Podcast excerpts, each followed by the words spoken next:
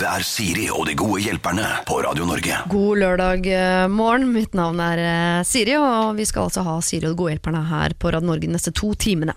Ingeborg Heldal og Vita Mashadi blir eh, straks mine gode hjelpere, men først så tenkte jeg at du og jeg skulle ta en liten prat.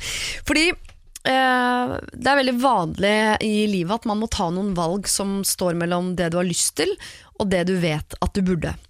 Eh, og man vet det egentlig selv, altså spør man en venn Syns du jeg burde gjøre det jeg har lyst til, eller det eh, vi vet at jeg burde? Og så svarer vennen kanskje nei, du burde kanskje gjøre det du burde. Så tenker man sånn mm, ja, jeg vet det, jeg går videre. Og så spør du eh, moren din skal jeg gjøre det jeg har lyst til, eller det jeg vet at jeg burde? Så svarer hun ja, kanskje det du burde. Så tenker man sånn åh, jeg vet jo det, irriterende, hvorfor spurte jeg det i det hele tatt? Og så spør man og spør man og spør man. Naboer til slutt, eh, kanskje tilfeldig forbipasserende på gata, eller et radioprogram som dette. Skal jeg velge det jeg har lyst til, eller det jeg vet jeg burde? Og så spør man egentlig helt til noen sier sånn, vet du hva, jeg syns livet er for kort, altså. Jeg syns du skal velge det du har aller mest lyst til. Så tenker man sånn, ja, det var lurt. Det er absolutt det jeg burde. Så det man egentlig leter etter, er ikke gode råd eller hjelp, eller Det man trenger, er en som på en måte verifiserer at du gjør det du vet at du egentlig ikke burde gjøre. Eh, en del sånne problemstillinger får vi jo hit eh, inn til eh, meg, og noen ganger blir vi revet med og sier sånn 'livet er for kort, gjør det du har mest lyst til', og noen ganger ramler vi ned på 'vet du hva, du kjenner selv hva det er du burde gjøre her', og da er det det du skal gjøre.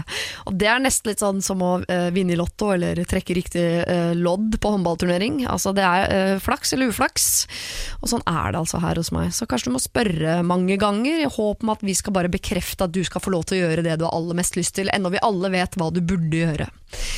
Allikevel syns jeg du skal ta sjansen på å sende en mail inn hit. Min mailadresse er sirialfakrøllradionorge.no. Siri og de gode hjelperne. Og ved min side nå så har jeg eh, to kvinner som heter eh, Ingeborg Heldal, heter da den ene. Eh, Den andre heter Vita Mashadi. Sa jeg etternavnet ditt riktig nå? Veldig korrekt. Er det sant? Ja, helt riktig. Å, jeg er så glad. Mashadi. Det verste er når noen sier Masadi. Ja, Masadi. Masadi. Ja, Ja. det er ikke lov.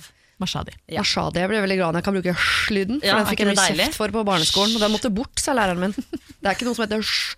Jo, det er det, altså. Ja, Du sitter her. Mashadi sitter her, du. Jeg har øvd siden jeg var eh, seks år gammel. Den sitter nå. Ja. Uh, Vita, du, er jo, uh, du har jo også en kjent søster som heter Wanda, uh, som du har TV-program sammen med. Og nå har dere vært i hvert deres TV-program den høsten her. Da. Du har vært i 71 grader nord. Uh, røyk ut forrige på søndag. Ja. Ja, det var trist. Det var, Klarte ikke å holde i det tauet. Nei, det var ergerlig. Men Ja. eh, jeg hadde mitt hode tapt med en gang vi kjørte inn og så tauet. For det var det eneste jeg hadde sagt hele tiden. At hvis det kommer en sånn konkurranse hvor jeg må holde meg i et tau, Ja. så er jeg ute. For jeg har ikke styrke i armene. Nei, men Jeg tenkte at eh, Jeg trodde dere skulle bare falle rett ned med en gang som to potetsekker. For Ja. å holde seg fast i et tau, det klarte ikke jeg i gymmen på barneskolen engang. Nei, det er det jeg aldri Og da veide jeg ikke det jeg veier nå. Søsteren din er i Camp Culinaris Mhm. og røyker vel også ut denne uka her, så vidt jeg Ja, hun kom på en tredjeplass. Ja, Det var veldig bra. Og jeg var tredjeplass på bånn, så det var jo ganske likt. Ja. Ja. Det er vel litt mer utfordrende å øh, klore seg oppover i fjellheimen enn det er å lage mat. Jeg føler det. Ja. Ja. Ingeborg Heldal, eh, du har jo en søster som ikke er fullt så kjent, men jeg fikk gleden av å høre henne bli stoppet på gaten i Nitimen forrige uke. Det var helt fantastisk. Hun var jo så grom og god, og så var det så gøy at det var to sånne gærne søstre. En sånn Eurovision-freak og en staudeentusiast som bare driver og planter nedi i hagen. Så vi lo mye av det. Men jeg, hun, eh, hun var jo helt nydelig på radio. Hun må jo mer på radio, helt åpenbart. Ja, for da begynte jeg å tenke litt på sånn Ok, du har en uh, søster som lever et helt annet liv enn deg. Hvordan er det da å komme hjem til jul, for eksempel? For når uh, Vita Vann, når dere treffes i familieselskaper og sånn, så deler dere det samme livet. Ja. Men eh, hvordan er det å være søsteren din, Ingeborg? Får hun oppmerksomhet hjemme, eller er det, går det bare sånn Er det bare deg? Det er, det er veldig mye henne òg. Hun Ja. er jo helt fantastisk. Hun er jo så vakker og snill at uh, halve kunne vært nok. Så hun trenger absolutt ikke noe spotlight eh, for å skinne. Hun skinner innenfra, og jeg håper og tror at hun får den plassen hun fortjener. Og vi treffer jo hverandre eh, veldig ofte og snakker sammen hele tida. Ja. Så det er ikke sånn at det er så veldig mye catching up å gjøre når vi, vi treffes mer enn til jul, for å si det sånn. Ja, Men, så dere eh, har et sånn søskenforhold, at dere er gode venner og deler alt? Elsker henne. Uh, ja, jeg er helt avhengig av henne. Hun er uh, Sett bort fra liksom mann og sønn, uh, som jeg jo treffer hele tida, så er nok hun og mamma de to som jeg har aller aller mest kontakt med i hele verden.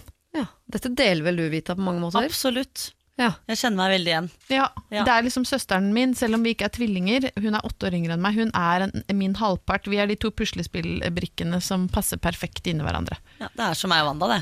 Ja. Ja. ja, dere er har vel tatt det til enda et uh, nytt nivå, vil Ja, jeg vi er vel kanskje litt eh, next level der, vil jeg si. Og så er dere helt like òg. Ja. jeg ligner ganske mye på søsteren min, men ikke så mye som du ligner på søsteren søsteren din. føler at vi ligner det hele tatt.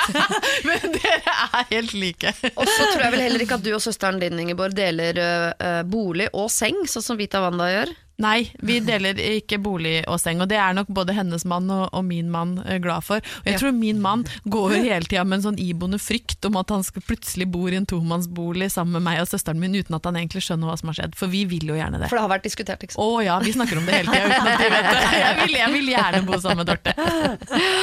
Eh, hvordan er det med deg, Vita? Har du eh, kjæreste? Jeg er litt for singel nå, faktisk. Det er er ja. bekymringsmeldinger fra venner og familie om dagen. Ja, For hvor lenge har du gått eh, og gressa nå? Nå er det faktisk ni måneder, altså. Ja, det er jo Jeg, ingenting. jeg har ikke kyssa en gutt på ni måneder engang. Nei. Ok, Så det, det er ordentlig ni måneder vi snakker. Nå føler jeg dette blir sånn kontaktannonseaktig. Kan Ja. noen komme og kysse Vita, da, i det minste? Jeg tror det er jeg som trenger hjelp i dag. Jeg kan Ja. kysse deg etterpå Ja, hvis du vil. tusen takk. Bare. Dere har blitt godt kjent. Det er godt, eh, Vi ble er godt kjent utenfor kaffemaskinen. ja, ja. Eh, dere skal få lov til eh, Vi hjelper deg gjerne, Vita, men det er jo først og fremst andre som skal få hjelp i dag. Og det er det eh, altså da Vita og Ingeborg som skal hjelpe til med. Så hvis du har problemer, så eh, må du gjerne sende det inn til eh, meg som sitter her. Siri Alfakrøll, radionorge.no. Siri og de gode hjelperne. Send oss en e-post på siri at radionorge.no. Hard to stay awake, synger han Morten eh, Abel, men det må dere nå, både du som hører på, og også eh, dagens gode hjelpere, eller helgens gode hjelpere, Ingeborg Heldal og Vita Mashadi. Dere er nødt til å være våkne, for nå skal vi prøve å hjelpe altså en eh, 25 år gammel jente som står overfor et, eh, et valg i livet. Ikke et av de store valgene, vil jeg påstå, eh, men hun trenger litt hjelp. Kjære dere, jeg er invitert i 25-årsdagen til min aller beste venn. Dere kan kalle han Sofus. Han bor i en annen by enn meg, og vi ser hverandre bare en gang i året. Nå skal han feire bursdagen sin i vår hjemby, og dette er selvfølgelig noe jeg har veldig lyst til å være med på. Problemet er at faren til kjæresten min skal feire at han har giftet seg på denne dagen. Jeg vet at kjæresten min blir veldig skuffa om jeg ikke drar på bryllupsfesten, men jeg må ærlig innrømme at jeg har mer lyst til å dra på bursdagsfest. Litt tilleggsinfo. Jeg og kjæresten min har vært sammen i fire år, har et veldig godt forhold, jeg har også et godt forhold til hans mor. Eh, De ble skilt rett etter, at, eh, rett etter at vi ble sammen, og jeg har ikke så nært forhold til faren, men han er alltid veldig hyggelig mot meg, og det er hans kone også. Må jeg gå i det bryllupet, eller kan jeg skuffe både svigerfar eh, og kjæresten min, og heller feire bursdagen til min kjære, kjære venn? Kall meg Josefine. Ja, her er det lyst foran forpliktelser, eller er det det? Hva ville du valgt, Vita? Jeg hadde nok valgt venn, ja, altså. Ja. Ja. Henger det sammen med alderen? 25 år, er det noe der? At da trenger man ikke å ta så liksom, riktige valgene, hvis du skjønner? ja, altså jeg tenker sånn Man lever bare én gang, og man kan være i sånne familiegreier senere. Ja. Men 25 det er et ganske viktig tall, Men det er altså. bryllup her, altså. jeg vet ikke, bare Det kan man ta seinere. Ja, det var riktignok andre gang kanskje han gikk til alters, Ja, men men husk at det er ikke, eh, De skal feire at de har Har giftet seg. Ja, så det er Så de, har, de er allerede gift. De skal bare samle folk og fe for å feire det faktum at de har giftet seg. Jeg bare tenker, Du blir bare 25 én gang. Ja, Gifte seg og feire, det kan man gjøre flere ganger. ja. Ja, Det virker som han faren her er helt enig. ja Det virker jo sånn. Det er akkurat det første jeg tenkte. skjønner du Men Josefine tenker jo først og fremst på kjæresten sin, ikke så mye på han faren til. Jeg tipper det er det der at han kjæresten blir skuffa. Ja. Jeg, jeg syns det er veldig vanskelig å si nei til sånne familiære forpliktelser, for det, det ligger potensielt så mye eh, skuffelse i, eh, i et nei der, da, at det kan prege forholdet i mange, mange år eh, framover. Eh, så jeg skjønner at hun har et kjempedilemma her, fordi selvfølgelig er det morsommere å feire 25-årsdagen til din aller beste venn, som du bare ser en gang i året. Ja. Men hva er da langtidskonsekvensene av både skuffe kjæresten og kanskje også da skuffe eh, svigerfar? Ja. Eh, så jeg skjønner at hun syns det er vanskelig. Har vi snakka om hvilken invitasjon kom først? Er det Ja, Sofus det er her som var eh, Ja. kjappest på? For da går det jo an å si vet du hva, den helgen der er helt umulig for meg, for jeg har lovt meg bort til en 25-årsdag for lenge siden. Det er min aller beste venn, eh, så det, det går rett og slett ikke. Men Jeg tipper tipper Jeg, jeg syns jeg leser at den eh, bursdagsinvitasjonen kom først. Jeg vil bare også, Ikke for å gjøre problemer større, selv om jeg liker det også, eh, så er det jo Josefine som har en bestevenn som heter Sofus. Jeg bare ser for meg meg som guttekjæresten til Josefine, som hører Josefine Ja. si sånn Jeg skal gå og treffe kompisen min, ja. Heller enn å bli med deg i bryllup. Ja, det er mange lag Det er her, noe altså. Det er noe der. Men nå kan det selvfølgelig være at Josefine har introdusert eh, Sofus for sin kjæreste, og at det er helt problemfritt, fordi eh, jeg har noen ordentlig, ordentlig gode eh, guttevenner, og Mm. når jeg da fikk meg kjæreste som jo ble min mann, så gjorde jeg litt sånn nummer ut av det at han måtte få lov å bli kjent med disse gutta ordentlig, sånn at det aldri ble noe greie, fordi Ja. det kan jo bli en kilde til konflikt hvis du har noen sånne kompiser du henger med. Uh, Så hvis vi da tenker oss at Josefine har vært ryddig her, da. Ja. At Sofus er, uh, han er trygg. Ja, For det høres ikke ut som kjæresten til Josefine er invitert. Nei, det var det jeg også stusset litt over. Det er veldig rart. rart. Og det er er jo litt spesielt, faktisk, at kjæresten ikke er bedt. Og da velger hun jo egentlig venn overfor kjæreste. Ja, det er jo litt det hun gjør, for jeg Ja. tror ikke hensynet her ligger på faren. Hun, men hun velger kompis framfor kjæreste. Det er litt og det det har jo jeg gjort før, og det er jo derfor jeg har vært singel så lenge som jeg har vært. Så jeg anbefaler jo egentlig ikke det heller, når jeg tenker meg om. Nei. Nei, fordi det, da kan det, man gå lenge ukyssa. Ja. Hvis man alltid velger vennskap om, over Ja, kjærester. Det er helt korrekt. Ja, for jeg vet at uh, jeg instinktivt tenker sånn Mye morsommere med fest. Mm. Jeg ville også tenkt at jeg heller vil på fest, og så hadde jeg sendt inn mail til et radioprogram og håpet at de skulle si 'dra på fest'. Mm. Men grunnen til alle disse tankene er at man vet egentlig bånd hva som er riktig å gjøre. Ja, Ja. man gjør det. Det riktige er jo å gå i det bryllupet. Hun kan jo holde en surprise party eller et eller annet til Sofus senere, med de aller aller nærmeste, eller gjøre en greie ut av det. At hun drar i det som hun må dra i, som er da dette bryllupsgreiene.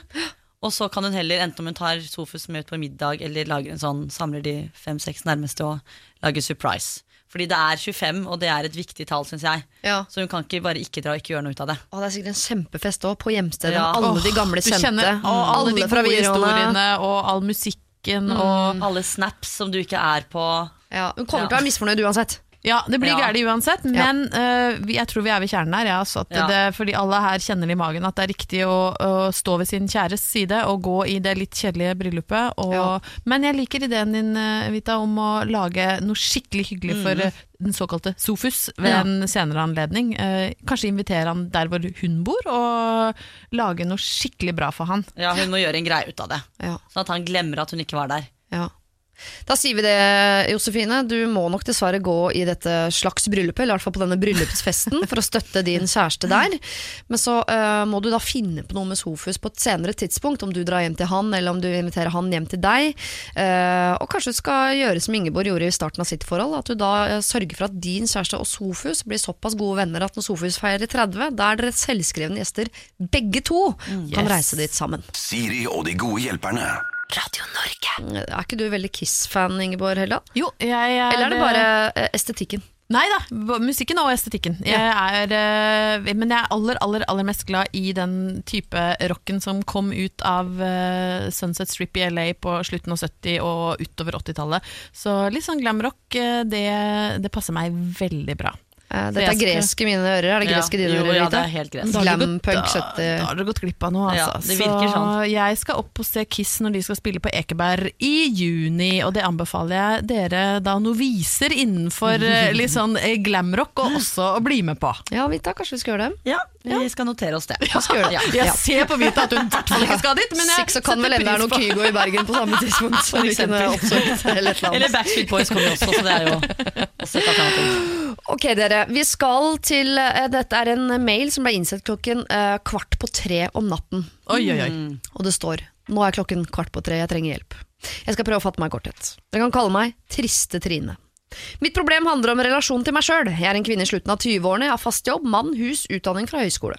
Jeg har nådd mine mål sånn sett, men jeg er utrolig følsom, eller hårsår da, dramatisk vil noen kalle meg. Det vil si at jeg tar meg veldig nær av saker og ting. På jobb tok sjefen dette opp med meg på en samtale og sa at jeg måtte bli flinkere til å svare for meg istedenfor å bli lei meg. Samboeren min sier at jeg ikke må analysere situasjoner. Men hvordan skal jeg klare å bli tøffere? Jeg blir oppriktig lei meg, og kan lett bli nedstemt. Er jeg bare en drama queen? Og om så, hvordan ble jeg kvitt det? Har dere tips? Hilsen Triste Trine. Skjønner dere typen? nei. Ja, ja, jeg skjønner typen veldig godt. Kan man slutte å være det?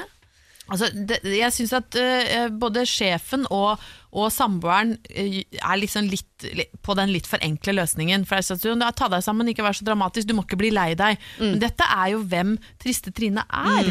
Det er jo sånn hun er som person, og det å få beskjed om at nei, du må, det, er, det er som å si til noen som er deprimert, ta deg sammen, da. Smil Ja. litt. Ja. Ting er ikke så, altså, det, det går ikke, det.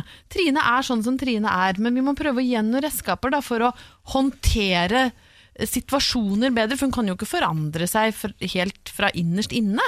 Og kanskje grunnen til at hun er trist, er fordi hun tror at hun ikke kan være sånn som hun er. Men hvis hun bare hadde godtatt at hun var uh, følsom eller drama queen, så kunne hun kalt seg for Bare-Trine. Ja, Trine, Eller- Trine. Trine, ja. Men jeg tror folk generelt er uh, litt for opptatt av at må, måten Hvis du ikke er sånn som jeg holdt på å si alle andre på jobben, da, i gåseøynene, så er det deg det er noe gærent med. Sånn. Trine, det er ikke noe galt med deg. Du er sånn du er. Du er tipp topp, men du er kanskje litt mer følsomt enn det som er komfortabelt i en jobbsituasjon. Da. Men, kan, Men jeg kan jo skjønne at det kan være eh, Det kunne vært greit i for en situasjon i en jobbsammenheng for eksempel, hvis man må ta et tøft valg og klare å svare for seg istedenfor å, å gå rett i liksom, ruggeren og må uh, hjem og dusje, altså, liksom. Trine må jo stå for ting. Ja, Det virker som hun kanskje ikke gjør det helt, eller at hun er sånn at hun fort kan bli overkjørt. da ja. Fordi hun kanskje ikke er helt trygg på seg selv, eller at hun ikke Hun tør kanskje ikke helt å stå i at hun er den hun er, og at hun har mye følelser, f.eks. ja. Og det er jo bare fint, det å vise følelser, men igjen da, så er jo jobb jobb, så hun må jo på en måte kunne Ja, for det er noe med hvis du enhver konflikt du havner i, og det er kanskje ikke konflikt engang, kanskje det bare er en eh, forhandling Mm. på jobben, så begynner du å, å grine istedenfor å komme med argumenter. Det er klart at Men da når du ikke fram. Nei. Og, og for, tri, for triste Trine da, så tenker jeg at situasjoner som egentlig bare er en forhandling, oppleves som en konflikt. Mm. Men jeg skal prøve å være konkret, da, fordi at jeg, jeg kjenner meg bitte litt igjen i Trine, uten at jeg opplever meg ikke sjøl som drama queen, men jeg er veldig konfliktsky, og jeg kan bli utrolig sliten av konflikt. Ja. Og når du skal være i jobblivet lenge, så blir det konflikter. Mm. Du må stå på for det du mener, og du må, du må si til folk ubehagelige ting. Ja. Ja. Eh, og jeg har måttet øve meg på det, og jeg har vært så stressa i det at jeg omtrent har fått panikkangst. Altså sånn, Hvordan øver du på det da? Bare gjør det masse? Uh, nei, men, men jeg er kjempegodt forberedt. Altså, Ja. Jeg tenker ok, nå uh, må jeg si til en på jobben at det du har levert den siste måneden, det er ikke bra nok. Eller i denne gruppe oppgava vi har fått sammen, syns ikke jeg det du leverer holder mål. Du legger for mye på meg, men da øver jeg meg veldig på hva jeg skal si. Altså Nesten kanskje sånn at jeg skriver det ned, sånn at Ja. jeg veit at jeg ikke glipper på det som er viktig for meg å, å få fram. Og så sier jeg det for meg sjøl noen ganger og vet at ok, nå kan jeg være rolig og trygg på at dette er det jeg har lyst til å si, og så kanskje da slipper å begynne å grine, eller at du kjenner du blir sånn varm i hodet, og, og så forberede seg kjempegodt, Ja. og, og så bare ta den konfrontasjonen, og hvis du da begynner å grine første gangen, ikke vær så streng med deg sjøl, si at ok, jeg, jeg gjorde mitt aller beste, neste Ja. gang går det. Syns du det er vanskelig å vite? Sånne konfrontasjoner eller konflikter? Jeg tror jo at jeg kanskje er en av de menneskene i verden som er minst konfliktsky, faktisk. Ja. Altså, så jeg kjenner meg jo ikke igjen i det hele tatt. Men jeg har jo venner som er sånn, så jeg kan jo skjønne det. Ja, Så du har vært i andre enden av grining, på en måte? Ja, jeg er sånn som sitter Bulldoser? Ja, ja, jeg er faktisk hun som sitter og ser på andre gråte, da. Ja. Eh, Så jeg syns akkurat det her er litt vanskelig for meg å sette meg i hennes situasjon, men jeg kan jo forstå at det kan bli ubehagelig, og at det er veldig lett å la tårene komme til, istedenfor at man kanskje får ut det man egentlig mener, da. Ja. At man ikke kan forklare seg, men at det er lettere å bare gråte fordi at man er en følelsesperson. Du har et ganske sterkt eh, konkurranseinstinkt også, det har jeg sett på 71 grader nord. Og jeg tenker i hvert fall hvis du skulle øh, gjøre det om til noen sånne konkrete tips fra meg også, så tenker jeg at når jeg går inn i en sånn situasjon, så forbereder jeg meg ikke så godt som deg, Ingeborg, på hva jeg skal si, men jeg forbereder meg på å komme i en slags sånn kampmodus på at dette, nå skal jeg inn i ringen, og det er jeg som skal vinne. Ja. Og det gjør jeg ved å stenge av følelsesregisteret helt, og være iskvinne og tenke sånn i dette rommet her, så er det jeg som vet absolutt best hva som er den beste løsningen. Eh, og bare eh, overbevise seg selv om at her, det, det er ingen som kan dette så godt som deg. Så det er en slags å være veldig veldig forberedt, enten mentalt eller veldig veldig forberedt helt sånn ned på tekst, liksom, på hva man skal si. Også lytte til motparten er også et veldig godt tips, for jeg, jeg kan fort bli veldig sånn oppøst i eh, Kanskje bare jeg sjøl som kjenner på det, men at jeg blir veldig sånn varm i hodet og hjertet dunker kjempefort, og så begynner jeg å avbryte. Men lytt til den andre, og hvis du ikke kommer til ordet, be om å si nei, nå må du la meg snakke ut, og prøve å være rolig. Triste Trine, dette ble mye tips på jobbfronten. Uh, hvis du trengte egentlig sånn uh, overfor mannen din og hjemme og sånn, der tenker jeg at du bare kan være deg sjøl. Det er lov å grine, og da skal du bare være deg selv 100 Ta bort trist, bare vær Trine. Men på jobb, hvis du skal inn i en situasjon, så kan det være greit å legge en trist på dørstokken. Da må du kanskje skrive ned hva du skal si, eller forberede deg veldig mentalt på at det her, dette kan jeg, det er jeg som skal vinne den diskusjonen her. Uh, og så må du gjøre det noen ganger, ikke liksom gi opp bare fordi du gråter den første gangen, så kanskje det kommer lettere etter hvert. Siri og de gode hjelperne. Eh, dere satt eh, kaffen litt i vrangstrupen da jeg kunne fortelle dere at vårt neste problem har fått overskriften 'sjalu på pikk'. Ja, Eh, Vi jeg ble skal- spent òg. Spent og Ja. begeistra. Fylt av forventning. Og det er ikke kode heller, det er det det er. Ja. Jeg har et merkelig problem jeg ikke helt selv forstår. Samboeren min og jeg er i slutten av 20-årene og har vært sammen i fem år, og vi har det superfint sammen. Kjæresten min er ikke den som har høyest sexlyst i verden, men vi har sex sånn gjennomsnittlig tre ganger i uka. De gangene er veldig viktige for meg, ikke bare fordi det er digg, men fordi det er godt med nærhet og den bekreftelsen det gir på at han elsker meg. Eh, problemet er at hvis han onanerer når jeg ikke er hjemme, kan det ta et par dager før han vil ha sex igjen. Dette blir jo et problem hvis eh, ja, la oss si det er tre dager siden vi hadde sex, da. Så onanerer han, og så blir det ytterligere to-tre dager uten sex etter det. Jeg er kanskje ikke den med høy sexlyst sjøl, altså, men jeg vil bare at han skal ville ha meg, og ikke at han skal bare fikse dette på egen hånd. Nå har det gått så langt at hvis jeg jobber om kvelden eller er ute med venner eller på trening, og sånn, så går jeg rundt og bekymrer meg for at han skal onanere mens jeg er borte. Han forstår dette godt, men jeg klarer liksom ikke helt å legge fra meg bekymringen i hverdagen. Hjelp meg, kjære dere, hvordan skal jeg bli kvitt denne absurde, teite sjalusien?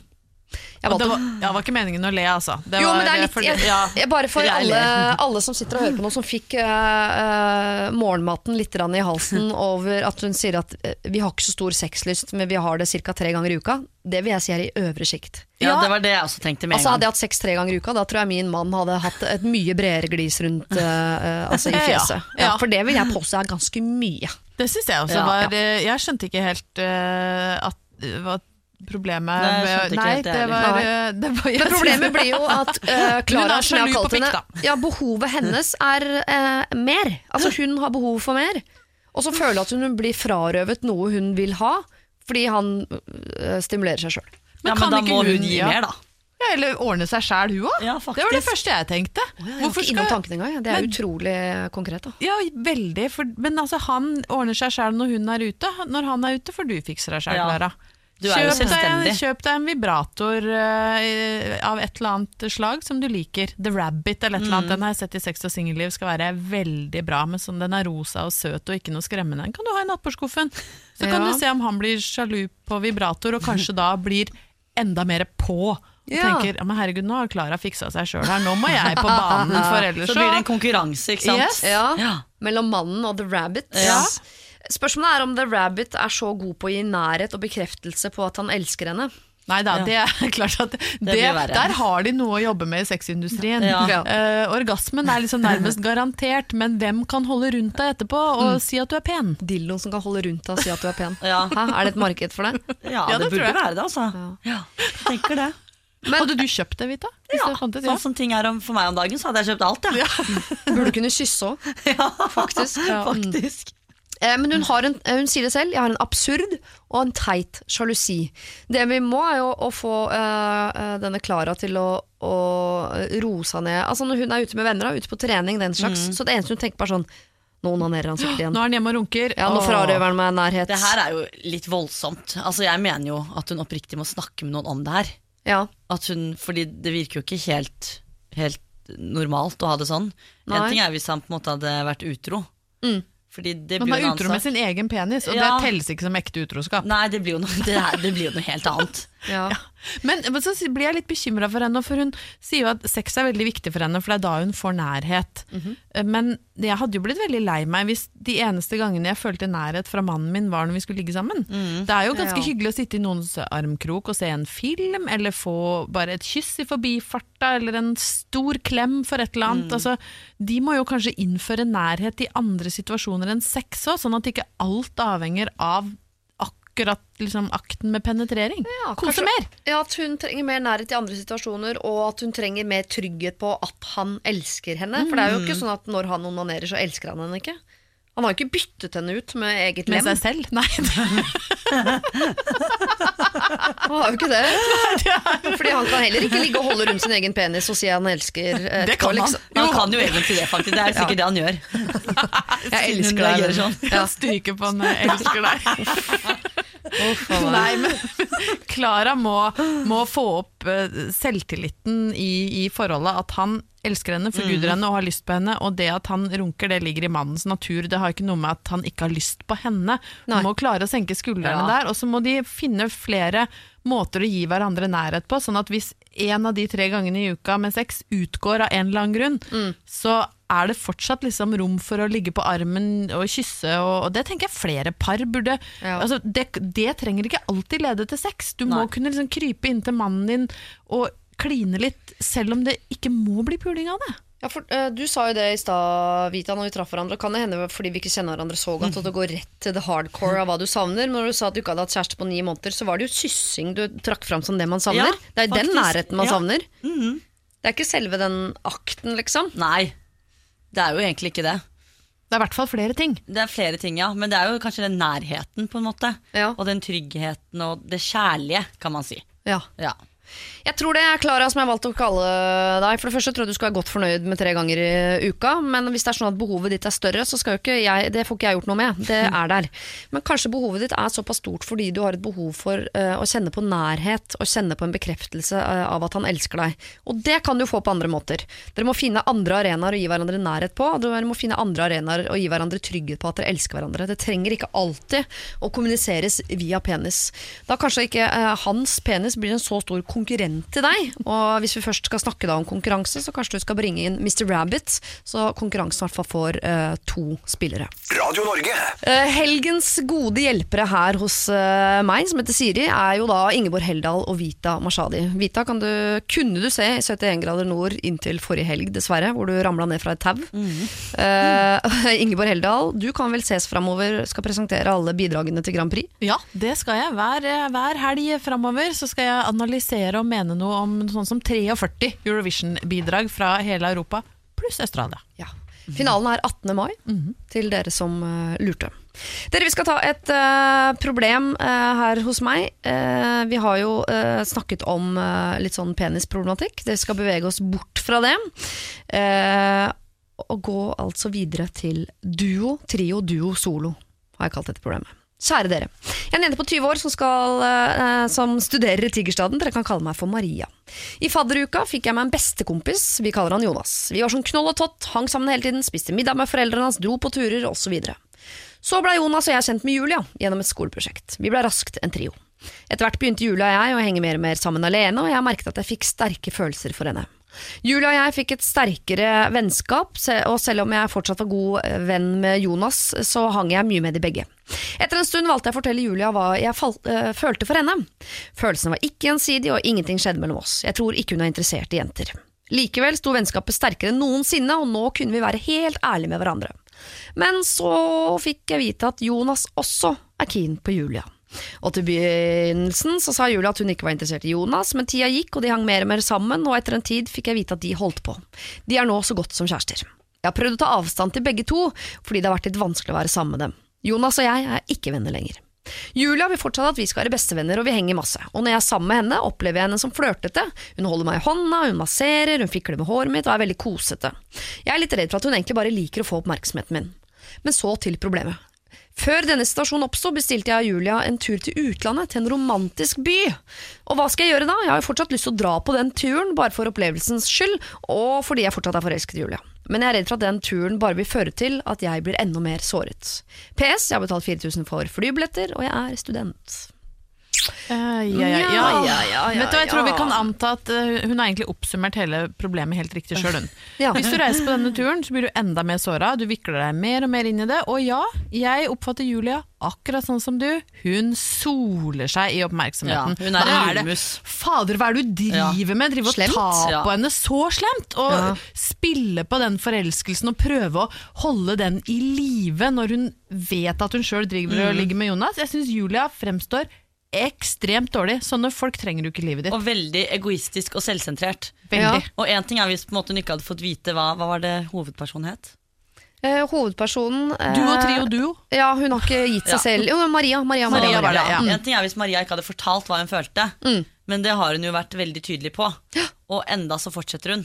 Ja. Det er kjempedårlig gjort. Det Hun høres jo litt psykopat ut, for de er jo ofte veldig sjarmerende. Så det er, jo, uh, Ja. hun, det er jo mange som liker henne. Jonas er forelska i henne, Maria er forelsket i henne. Julie er tydeligvis en veldig attraktiv jente. Fremstår som karismatisk, og, men det er, så, det er veldig litt sånn typisk. Jeg kan kanskje innrømme at når jeg var litt yngre, at man kan falle for å ta den rollen. Sant? Du vet at noen liker deg kjempegodt, og så føler du at du har ditt på det tørre. For nei, jeg har vært helt ærlig. Jeg har sagt Jeg bare at det blir, veldig hyggelig. Ja, Veldig, veldig hyggelig. Ja. For du syns det er litt digg sant? at noen ser på deg med sånn beundrende blikk, og, og så vil du gjerne fòre litt på den, men det er så dårlig gjort. Altså, 4000, 4000 kroner er bare 4000 kroner. Jeg Ja. skjønner at det er mye når du er student, men fader heller, altså, jeg hadde dumpa Julia så det sang. Men 4000 kroner. Hun er student. Hun er lei seg, og hun vet at hun blir mer lei seg. Er det verdt å tape de 400 altså, Jeg bare tenker at hvis du uansett veit at du blir litt mer eh, lei deg, kanskje det er, eh, det er verdt det? Nei. Nei. Jeg tenker da, altså Hvis du absolutt trenger de pengene, så legger du ut noe på Tice og selger det, så får du de pengene, og så bestiller du ny reise. Ja. Altså, når det kommer til sånne ting, da, så føler jeg kanskje at penger ikke har så stor betydning, uansett om du er student. Og så er det noe med å ta av makta over sitt, sitt eget liv også. Det er, Julia bestemmer altfor mye. Nå Ja. er det Julia som bestemmer om du er glad, om du er trist, om du er venn med Jonas eller ikke. Så er det Julia som skal bestemme om du skal få ferie, og hvordan den skal bli. Ta tilbake makta og si til Jo, til men Julia Hvis Maria tar den makten nå før denne turen bestemmer seg Nå drar vi på denne turen Jeg vet hva jeg føler, jeg vet hva hun føler Nå skal jeg finne ut av om hun er, som Vita sier, luremus Eller om hun er en venninne jeg skal beholde At hun bruker den uka i La oss si det er Roma da eh, På å enten eh, bestemme seg for å bevare dette vennskapet Fordi hun finner ut at det er verdt det Eller at det ble avslutningen på et vennskap Jeg tenker at de må snakke sammen og bli enige om hvem av de som skal få den andre billetten, eller selge den andre billetten til en annen venn. Ja. Enten så kan Jonas kjøpe Maria sin, så kan Maria ha vel sikkert andre venner, vil jeg tro. Ja, som kjøpe høre med en annen venn om hun vil da kjøpe hun ja, andre sin. Men er ikke det da slutten på et vennskap? Jo. Men det her er ikke et vennskap. Dette her er maktbalansen Ja. så skeiv, og Maria kommer dårligst ut i alle fronter. Og det er veldig trist, Maria, fordi nå mister du kanskje to venner. Men, eh, men eh, stol på oss, du kommer til å finne folk som fortjener ditt vennskap så mye mer. Julia bare bruker deg for å fòre sitt eget selvbilde. Hvis ikke dette er en kneik de må over da, i vennskapet, at ja, dette er vanskelig, jeg er forelska i deg, du er ikke forelska i meg, du bruker det at, jeg er forelsket, at dette er skeivt, bruke den uken i Roma på å se om det er noe de kan komme seg over og forbi.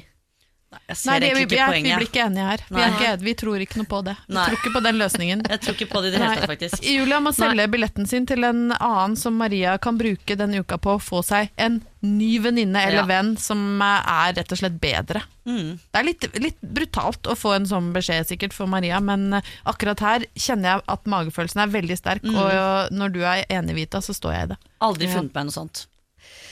Nei, jeg prøvde, Maria, jeg prøvde så godt jeg kunne, men eh, Vita og Ingeborg de står altså så steilt på sin eh, side her over at uh, dere skal ikke på noe uh, romantisk weekend for to, du og Julia. Julia oppfører seg dårlig som venninne, hun bruker din forelskelse for å, å bare nære opp under sitt eget selvbilde. Det vil vi ikke ha noe av. Enten så drar du med en venn, eller så drar hun med en venn. Akkurat det må dere finne ut av. Men her må du ta en bitte liten konfrontasjon før denne turen, sånn at dere slipper å dra sammen. Siri og de gode hjelperne. Radio Norge. Eh, skal vi se, Nå skal jeg scrolle meg fram til neste problem, som handler altså om en hytte. Men det handler om så mye mer, som alle andre problemer her. Hei, jeg har en kompis som har vært separert i snart to år. For ett år siden fikk han seg en ny kjæreste. De har det veldig fint sammen, de har mange felles interesser, det er full klaff. Denne dama har jo da fått høre all diskusjon og all krangling eh, fra det forrige forholdet, og det kan virke som om denne eksen angrer på at det i det hele tatt skal skilles. Hun har fått utbetalt mer enn verdien av innboet og hus, og han har bare gitt mye mer enn han trenger egentlig, for han ikke orker å krangle mer med henne. De krangler om hver lille suppeøse. Greia er nå at eh, han ønsker å bruke hytta som de hadde sammen, men som hun nå sitter igjen med. Dels fordi de voksne barna de har sammen bruker den, og for å treffe naboer og litt sånne ting. Men den nye dama mener at han må kutte ut alt som har med eksen å gjøre, for å slippe mer uro og krangling, og at de to på sikt må lage sitt eget liv med eventuelt en felles hytte. Hun sier at hun ikke orker at han velger å bruke denne hytta til eksen. De er begge over 50 år. Og jeg lurer på da, som kompis, hva jeg skal råde dem til. Hilsen Knut. Oi, oi, Forstår dere? Knut har ikke dette problemet selv, men han har et problem, for han vet ikke hva uh, Når disse kommer til han og ber om råd, så vet han ikke hva han skal si. Knut er god venn, da. Ja, veldig. Veldig, jeg, Knut er fin. Jeg vil ha en Knut i livet mitt. Ja, Ja. da Ja. har vi lagt inn den, Knut. Du, Ja. ta kontakt. Nei, det er kjempevanskelig. Og det er jo faktisk sånn at følelser blir jo ikke mindre med alderen. Forelskelser er like sterke, og konflikter er like sterke. Man blir dessverre ikke voksen og fornuftig fordi man har bikka 50, og dette er kjempevanskelig. Ja. Jeg kjenner at mi, min instinktive tanke er jo egentlig det samme som denne nye dama. Altså, uff, skal vi orke å stå i mer krangel og mer styr bare for å bruke den hytta? Kan vi prøve å få til noe eget? Ja. Eh, men jeg skjønner jo at det er vanskelig, for det er barn inne i bildet, det er gode naboer, det er et langt liv som har bygd opp et nettverk her. Så Ja. jeg, det, jo, det gir seg jo ikke helt automatisk, dette svaret. Altså For meg så blir det mer en sånn konkurranse. da Nå har hun eksen fått så mye, Ja. så hvorfor skal han la henne få dette også? Tenker jeg. Ja. Selv om det kanskje er litt sånn pes og det blir mye styr og alt det der. Men han må jo få én ting, tenker jeg. Ja, men hun eier jo allerede hytta, så da bor, bor de jo liksom der på hennes nåde. Det er det, for Hadde de delt, hadde det vært delt eierskap til hytta, så hadde det jo ikke vært noe å lure på.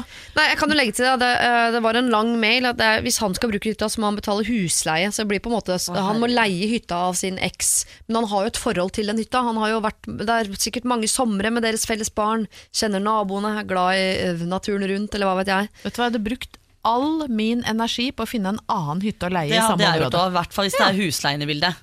Ja, Da kan han bruke de pengene på noe annet, og de barna kan få enda en hytte med nye minner. Ja. Tenker jeg. Ja, Finn et annet sted å leie, hvis, for det er jo ikke gitt at de har råd til å kjøpe noe. Altså, nå vet jeg ikke hvor dette er, kanskje det er nede ved vann i Kragerø-skjærgården, og det er snakk om kjempehøye priser, eller på Trysilfjellet, hva veit vi, men jeg hadde virkelig anstrengt meg for å finne noe å, å leie sjøl, altså, og ikke betale husleie til eksen. Ja, for jeg forstår jo den nye dama som sier at vi må jo lage vårt liv, Ja. eh, ikke sant? med vår eventuelt felles hytte og sånn, men samtidig, eh, du får han jo ikke helt bort fra eksen.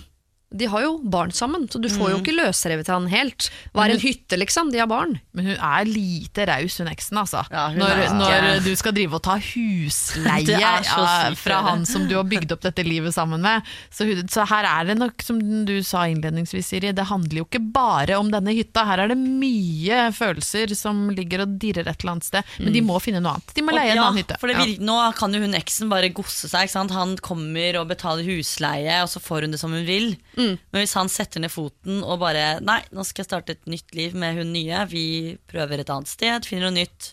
Ja. Og da står hun der med en hytte, da. Ja. Og så var det noe som ble sagt inni mailen som også skurrer litt. sant?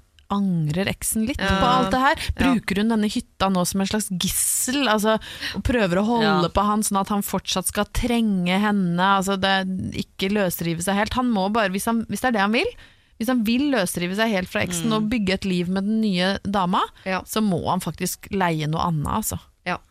Her er vi enige, altså, Knut. Eh, Du får viderebringe beskjeden eh, videre til eh, ditt vennepar om at den hytta må vi bare la ligge. Ja, de har felles barn, og det er en historie ved den hytta, og sånn, men det er noe med at, som jeg husker jeg sa til min eks for mange år siden, når vi slår opp nå, så er det ikke bare vi to som slår opp, familiene våre slår opp.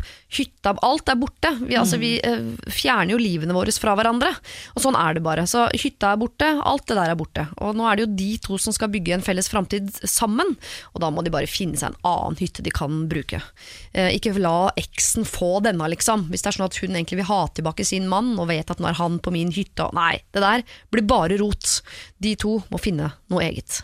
Radio Norge. Vi har jo allerede prøvd å, å løse en del problemer. Det kunne du høre på Radio Norge i går, og vi skal ta en ny bunke i dag. Men eh, før dere får sette i gang, så har jeg laget et fiktivt problem til dere. Mer et eh, dilemma i god gammel eh, Ingeborg Heldal ånd. Eh, og her må dere bare ta et eh, valg eh, for egen, eh, altså i eget privatliv. Ok? Eh, jeg bestemmer meg for å spørre dere om eh, hvis dere for herfra og resten av livet må velge enten aldri pynte dere igjen, eller aldri igjen gå i klær som er komfortable. Det er lov å tenke, men stillhet på radio er ikke Nei, det, det er folk ikke er aller mest glad i. Jeg eh, hadde nok ganske lett valgt å aldri gå i komfortable klær. Resten av livet. Mm. Men altså, Da tenker jeg sånn dødskul bukse, men den er, den er trang, liksom. Ja, det får bare være. Ja. Jeg går litt sånn av og til nå også, så Ja. man blir jo vant til det, tenker jeg. Ja. Jeg er veldig opptatt av at jeg skal se litt kul ut og pynte meg og sånne ting, så jeg tror ikke jeg hadde klart å velge det bort. Er det aldri på hyttetur du får lyst til å bare synke ned i sofaen, liksom? Jo, men da så føler jeg på en måte at jeg pynter meg. Da, da må liksom oh, ja. sokkene matche ullundertøy og oh, ja. Så hvis jeg ikke kan gjøre det, ja. Jo, du kan det. Det kan ikke være komfortabelt. Nå er det fryktelig tøyt. ja, det, da får det bare være det, tenker jeg. Da får jeg bare stå oppreist istedenfor å ligge i sofaen. Ja. Ja. Men jeg Ja. føler det fins smutthull her, da, for jeg har f.eks. Liksom joggedress med paljetter. ja. Er, kan det være smutthullet? Er den komfortabel, spør jeg da. den er deilig, for nå strikker Ja, livet. Da, da, da det uten, Den er ut. Ja, den er ut, ja. ja sant. Jeg må kaste paljett i joggedressen. Det må du. Ja, nei, jeg er jo ekstremt glad i å pynte meg. Ja. Jeg er jo en skikkelig pyntedokke. Jeg har jo eh, ti meter paljettkjoler hengende hjemme som jeg har spart på i alle år. Men jeg har blitt så gammel nå at med en gang jeg kommer hjem, så er det inn i pysj. Ja. Ja, så da får det bare være. Da får jeg gå rundt i verden i pysj. For jeg orker ikke lenger å få, få liksom paljettgnagsår, blødende hæler og sånn avtrykk i midjen som ikke går bort pga. trange bukser eller stropper som gnager seg ned i skuldrene. Det var greit før, men nå er jeg over 40. Jeg må ha et visst komfortlevel, så hvis jeg må velge, så får det bare bli pysj. Men da kan du jo bringe den der paljettjoggedressen din inn igjen, for da kan jo den fungere som det nærmeste du kommer pynt, for den er komfortabel når du skal på rød løper. Da. La oss si du skal ned Ja. på Cannes-festivalen, da. Da blir det paljettpysj. Ja, vet du hva? Hvis jeg får lov å ha med den paljettpysjen, så har jeg Ja. funnet smutthullet.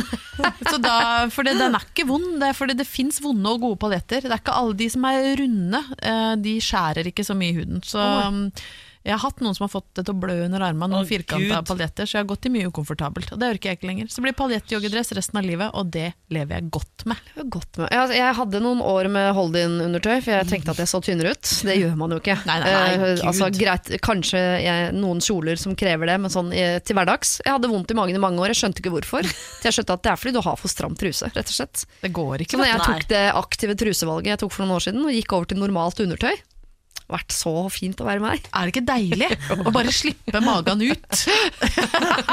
Puste med hele Puste seg. var det jeg begynte med. Jeg begynte å det puste. Og det var behagelig og deilig å puste, syns jeg. Sånn er jeg. Ok, men da har vi altså Vita, du kommer til å pynte deg for uh, evig og alltid, mens du, Ingeborg, du får aldri pynte deg igjen. Nei, men jeg får i hvert fall lov å gå i en pysj med paljetter. Det får du lov til. Ja. Siri og de gode hjelperne. Nå skal vi til en som gjerne vil kalle seg for Sirkeline. Sirkeline. Sirkeline. Og jeg syns Ja. det er gøy at hun bruker det navnet, fordi da jeg ble født, så fikk min storebror lov til å velge hva jeg skulle hete, og da gikk han for Sirkeline. Heldigvis satte min mor ned foten og sa at det går ikke. Da sa han nei vel, da blir det Snøhvit. Da satte hun ned foten igjen, og så ble det til slutt Siri. Han fikk egentlig ikke bestemme noen ting. Nei. Ingen verdens ting. Men da har dere altså meg som kunne hett Sirkeline, og så har vi da innsender her som også ønsker å hete Sirkeline. Sirkeline bor i et rekkehus der eh, en av naboene, eh, som vi skal kalle for Sladrehanken, forteller ting om Sirkeline som slettes ikke er sant, til andre naboer. Nå er det sånn at jeg er veldig god venn med kona til Sladrehanken, og det vil jeg gjerne fortsette å være. Jeg er ofte borte hos dem på en kopp kaffe osv. Og, så og nå er det sånn at jeg har ikke snakket med dem på fire uker, for jeg ble så sint da jeg fikk vite av en annen nabo at visstnok så blomstret kjærligheten hos meg med en tredje nabo som kunne vært min sønn. Slik går altså ryktene, og den som får vite ryktene til sist, er jo den ryktet gjelder. Nå er det sånn at jeg fikk vite hva sladranken hadde sagt til meg, og jeg ble skikkelig forbanna. Så jeg gikk jo bort for å ta et oppgjør med han. Men han ble altså så sint at han kastet meg på dør. Jeg ble faktisk redd. Jeg fikk ikke sagt mer enn tre setninger før jeg ble skubbet ut. Jeg tror nok sladranken var litt redd for at jeg skulle si noe mer. Han eh, driver nemlig og tafser på meg i tide og utide. Jeg vet ikke hvordan jeg skal takle det, siden jeg er glad i kona hans, men han kan finne på å ringe på, sprette inn i gangen, og klemme og gnikke og gni seg etter meg, og det er bare litt av det. Han kan klype meg i rumpa, klype meg i brystene osv. når han tror ingen ser. Jeg er altså så fortvilet. Kan dere ta det opp i dag? Please. Sirkeline. Altså, Sirkeline har en nabo som både øh, sprer rykter om henne, og som går og klyper henne på steder man ikke skal klype andre mennesker, med mindre man er kjærester og har en god tone. Uh, og hun har prøvd å ta det opp med han, da klikka han i vinkel. Hvordan For en fyr! Det her er jo helt vilt. Det er helt vilt. Jeg hadde flytta på dagen. Ja. Ja, men virkelig hadde ikke orka forholde meg Kan til et sånt anmelde sånt, borettslag. eller? Ja, i disse Ja, jeg. metoo-er kan, Ja. kan man vel det. Ja, I hvert fall til styret i borettslaget, om uh, ikke annet. Ja. Ja. Jeg vet Nei. ikke om jeg hadde flyttet fordi en person hadde vært så jævlig. Da hadde jeg hatt lyst til å gjøre livet hans like jævlig tilbake. Ja, for det er jo noe med skal vi flytte mobbeofferet eller mobberen, liksom. Mm. Men han er jo gift med en dame som Sirkeline her er veldig glad i, da. Hun ønsker å bevare det forholdet, så man skal jo Ja, nei, jeg tror jeg hadde kvitta meg med begge to. Ja, ass. Eh, Det sier jo mye om henne når hun velger å være gift med denne nissen. Her er det jo en kjempekarakterbrist i Sirkelines uh, venninne. Ja. Men hun må jo få denne venninna på tomannshånd. Det er Ja. jo helt tydelig at det å gå og ringe på mens uh, tafsegnomen er hjemme, det kan hun bare glemme, fordi da blir hun kasta på dør. Hun må få venninna på tomannshånd, fortelle henne Bare ta sjansen på det. Mm. Si hvordan han er. Og så hvis hun da velger å stand by her man og ikke tro på det Sirkeline Og sier det gjør de jo ofte. ja, men da er hun ikke verdt vennskapet til Sirkeline. Dessverre, altså. Da, hun må ta sjansen på det. Og så hadde jeg bare tatt, hva heter det, tyren ved hornene. Altså. Hvis han skal være en, et rasshøl å drive og sette ut rykter om henne, ta igjen med Ja, samme mynt. Ja. Ja. Fortell alle at han klyper deg i puppene og på rumpa, og at han er et digert rasshøl. Og jeg Si forteller ekte alle. rykter. Ekte Ja, ja. rykter. Ja, ja. For det, og det er jo samme om de andre tror på det eller ikke, men da har du i hvert fall fått det ut, og da går jo folk rundt og tenker. Så hvis han har gjort det med andre naboer også, så blir man obs på det, ikke sant? Og det Ja. er det ganske stor sjanse for, for sånne tafsegubber som han, de nøyer seg ofte ikke bare med én. Så hvis hun setter ut, ikke rykte da, men forteller folk hva hun har opplevd, så tipper jeg Vita har rett. Da kommer andre i nabolaget til å si ja, men det har han gjort mot meg Ja. også. Og da Men det ante meg at dere kom til å si at uh, hun skulle ta opp uh, dette her med venninnen sin, men det er noe med Og det, jeg er jo på en måte enig, men uh, hvis du Vita, hadde gått til venninnen din og sagt typen din driver og tafser meg på puppene, hadde du klart å gå og si det? Ja, men det er jo så jo- kleint for alle. Ja, men jeg er ikke konfliktsky. Jeg er Nei, sånn jeg som det. bare sier det rett ut. Også, men jeg hadde jo visst at hun hadde sikkert ikke trodd på meg. Men da hadde jeg i hvert fall fått det ut, og så har jeg sagt du, det ryktet her forresten også, det er det han som har spredd.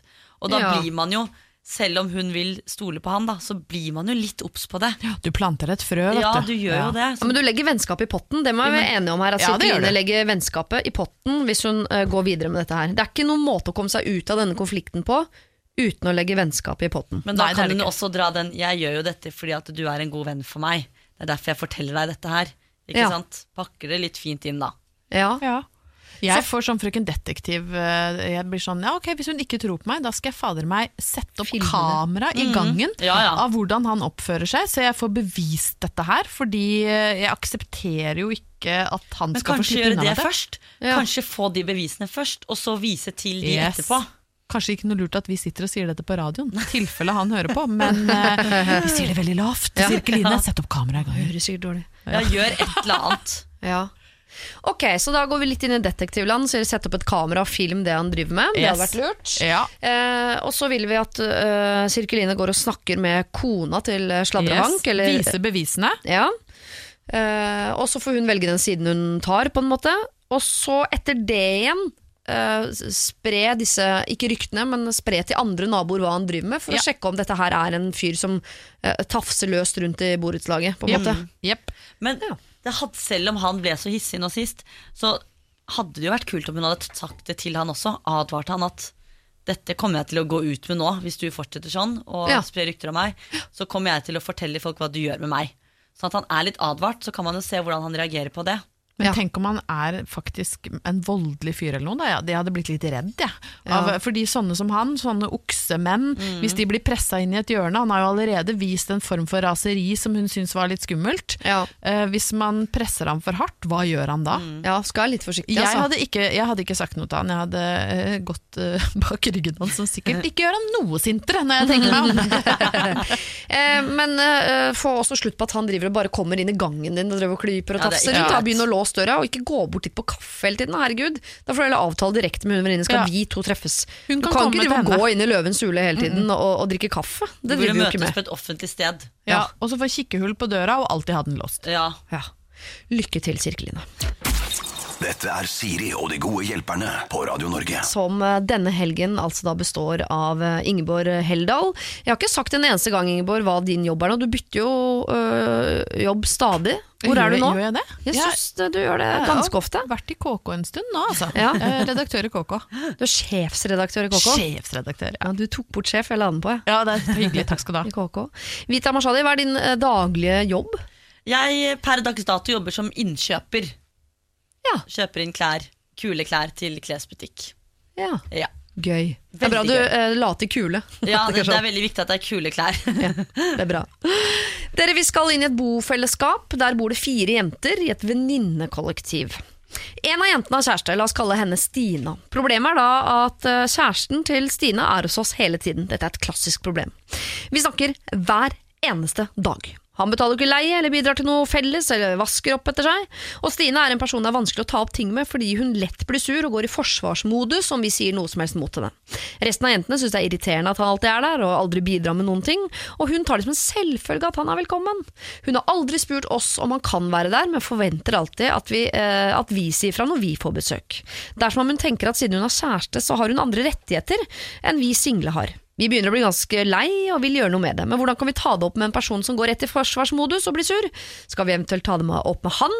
Hjelp! Vennligst hilsen tre leie leiebordet. Og dette er et klassisk problem, og jeg blir i stuss over at dette problemet på en måte aldri forsvinner. Det er litt som har ikke alle fått med seg nå at hockeyhår er stygt? hvis du skjønner? Har ikke alle nå fått med seg at når du får deg kjæreste og bor i kollektiv, så er det ikke sånn at de andre i kollektivet syns det er kult at han bare er der? Nei, jeg skjønner ikke. Jeg skjønner ikke at ikke problemet forsvinner. Men det gjør det altså ikke. Generasjon etter generasjon. Dette kommer til å fortsette å være et tilbakevendende problem. Og jeg kjenner at som, nå er jeg jo voksen og sånn lei av det problemet. Ja. Bare sånn åh, si fra, nekt han å komme, skift, lås, kast henne ut av kollektivet. Men jeg skjønner jo at det funker jo ikke. Nei, nei, nei, nei. for dette var jo rådet da mødrene ga til meg når dette var mitt problem. Ja, og vi hørte jo ikke på. mora di var helt håpløs Ikke sant, så jeg har blitt henne. Så det, vi kan jo ikke gå i den, men det er jo kjempevanskelig når hun ikke vil høre etter. Ja. Og tar det som, hun er jo helt sånn i tåka av forelskelse. Ja, hun og er jo at, eh, helt hodestups, hun nå. Ja, hun, er, hun har vi mista. Men, Men- du bor jo i et slags kollektiv, Vita, med søsteren din, Ja. som har kjæreste. Kommer han bare inn og, og Nei. bruker leiligheten som han vil, og går igjen? Og det er det som er veldig fint med akkurat meg og Wanda, er at vi vet hvor grensen går. Ja. Vi sender hverandre melding og spør om tillatelse, eller i dette tilfellet nå Wanda.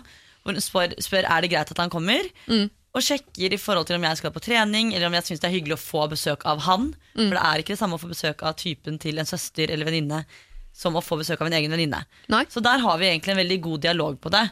Uh, men jeg har jo flere ganger tenkt at hvis dette skulle blitt et problem, så kunne jo ikke jeg gått til Wanda. Fordi hun også er sånn som hun her, kunne reagert og klikket og blitt sur. Så da ville jeg kontaktet han Ja. og sendt han en melding. Jeg syns du er her litt mye. Ja. Aktiv. Eller sånn høre, i hvert fall. Fordi da vil han jo Ikke det at man ikke vil at han skal føle seg velkommen, men hvis man på en måte får den meldingen, så vet man jo personlig at det blir sånn Oi, nå er jeg her ganske mye. Ja. Og de syns kanskje ikke det er hyggelig. Da er det ikke hyggelig for meg å være der mye heller. Nei. At man da automatisk trapper litt ned, eller at han da kanskje selv spør sånn Ja, men er det noe jeg kan bidra med siden jeg er her så mye, eller et eller annet da? For jeg tenker alltid at typen er lettere å snakke med enn en venninne eller søster. I et sånt tilfelle. Ja, For det er litt mindre sårt. Ja. Det er litt mer sånn profesjonelt Yes. arbeidsforhold på en måte i det. For han kan jo ikke klikke på en venninne av dama Nei. fordi hun spør eller sier ifra. Men en venninne kan jo det. Og Jeg så skulle ønske kanskje du hadde vært i livet mitt når jeg var i 20-åra. Det er jo et kjemperåd. Ja, for Grunnen til at dette fungerer så fint mellom Vita og Wanda, er jo nettopp at dere er, i hvert fall du da, Vita, veldig lite konfliktsky, så du sier jo disse tingene før det blir vanskelig og betent og alle følelsene er på, ikke sant? Og, og da er man enige om, enige om ting, da. Ja, nei, vet du Det er hva? sånn det blir. jeg var så godt råd. Så bra. Ja, nei, Jeg skulle ønske at jeg hadde fått når jeg, jeg bodde i kollektiv i, i 20-åra. Altså Mitt råd er jo å ikke bo i kollektiv, men jeg skjønner at det, Det er jo sånn det rett- overordna Ja, det er rådet. det overordnede Alltid. rådet. Ja, aldri bo i kollektiv, for det er en grusom måte å bo på. Nei, for jeg vet jo bare meg selv Hvis en eh, kompis av typen min hadde kommet bort og spurt sånn Du, du er her litt mye nå, hva skjer? Så hadde jo ikke jeg vært der hver dag, for da blir man automatisk sånn at man føler seg kanskje litt mindre velkommen. Ja, men plutselig Nei, plutselig. Samtidig. Noen ganger bare bruker jeg ord som ikke har med setningen å gjøre. Men er det ikke også sånn at du på en eller annen merkelig måte føler deg litt mer inkludert fordi du blir tatt med inn i forhandlingene, på en måte? Jo, for da føler jeg at de har såpass mye tillit til meg og føler seg såpass trygg på meg at han, Ja. han eller hun Ja. tør å ta det opp med meg. da Ja. Og At hvis, du, måte, da er man jo en del av gjengen, sånn, du er en del av gjengen, så nå må vi snakke om dette istedenfor at all kommunikasjon oss imellom må gå via. Ja.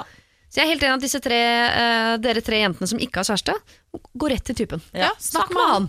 Ikke liksom bare sint eller kjefte eller sånn, bare sånn Nå er du her veldig mye. Eh, eh, du betaler jo ikke noe, liksom, og du er her like mye som oss, og vi har jo lyst til å ha venner på besøk, og jeg skulle gjerne ha tatt oppvasken i bar overkropp en dag, jeg, liksom. Eller Og så sånn. er det veldig viktig å dra inn den Vi liker deg veldig godt, men Men. Og det er egentlig en vond start på en samtale. For da redder han seg også Eller de jentene redder seg litt inn, Fordi da vet han at han er velkommen, men nå er det litt mye. Jentene trenger venninnetid. Og så blir det ikke sånn at hun dama kommer til typen og sier 'jentene sa dette til meg'. For da blir han liksom baksnakket igjen. Og det er Ja, heller ikke hyggelig. og så blir de et sånt team. Da blir Ja. de to mot røkla. Ja, altså, det går ikke. Så Ja. gå direkte til han. Og skulle han gå til sin kjæreste og sa de råtne bofellesskap-venninnene dine har Mm. gått bak ryggen din og snakka med meg, så kommer hun til å bli så sint at hun flytter ut. Ja. Problem solved. Ja, eller i hvert fall så har dere flytta konflikten opp, og da er det ikke dere Yes. som sitter og gruer dere til å tape noe, da må hun sitte og grue Ja. seg til å tape noe. Dere har Yes. flytta konflikten. Alt ved dette rådet er 100 Absolutt. Dette er oppskriften, rett og slett. Ja, det er det må skrives ned. Det er akkurat det der. Skriv det ned, det jeg nå skal si. Altså, dere tre må ta dette opp med han, ikke med henne. Da har dere løst et problem, eller i verste fall flyttet et problem, og det kan i mange, uh, altså, i mange, uh, mange ganger være løsningen i seg selv. Siri og de gode hjelperne. Send oss en e-post på siri at radionorge.no. Dere skal få lov til nå bare å sitte og lytte, Vita og Ingeborg. Eh, Gjerne notere hvis dere vil. Jeg skal lese et problem som er såpass langt uh, at vi tar en pause før vi løser det. Eh, jeg starter på toppen. Det er normalt. Kjære Siri og de gode hjelperne. Jeg, dere kan kalle meg Lotta, er 31 år gammel, og for to år siden kom jeg ut av et veldig usunt forhold som hadde vart i nesten 13 år. Vi fikk to barn sammen som vi hadde 50-50 etter bruddet. I februar i fjor møtte jeg mannen i mitt liv. Dere kan kalle han Tobias. Det var full klaff på alt. Kjemi, humor, verdier, seksuelt. Alt. Vi svevde på en rosa sky og var enige om at framtiden vår, øh, øh, den skal vi ha sammen. Vi skal kjøpe hus, vi skal ha katt, vi skal ha familiebil, og vi skulle ha barn sammen.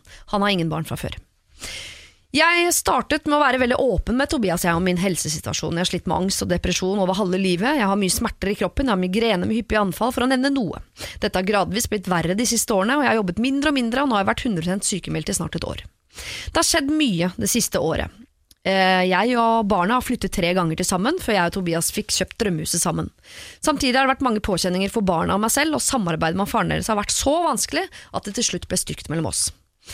Alt i alt har situasjonen ført meg til mitt absolutt laveste nivå, både psykisk og fysisk. Jeg har null energi, og jeg har måttet ta de vanskeligste valgene jeg noen gang har tatt i hele mitt liv. Jeg har nå kun samvær med barna mine hver onsdag og annenhver helg. Dette er for barnas beste, fordi jeg har så lite å gi dem akkurat nå, mens faren deres har stor kapasitet til å ta seg av dem.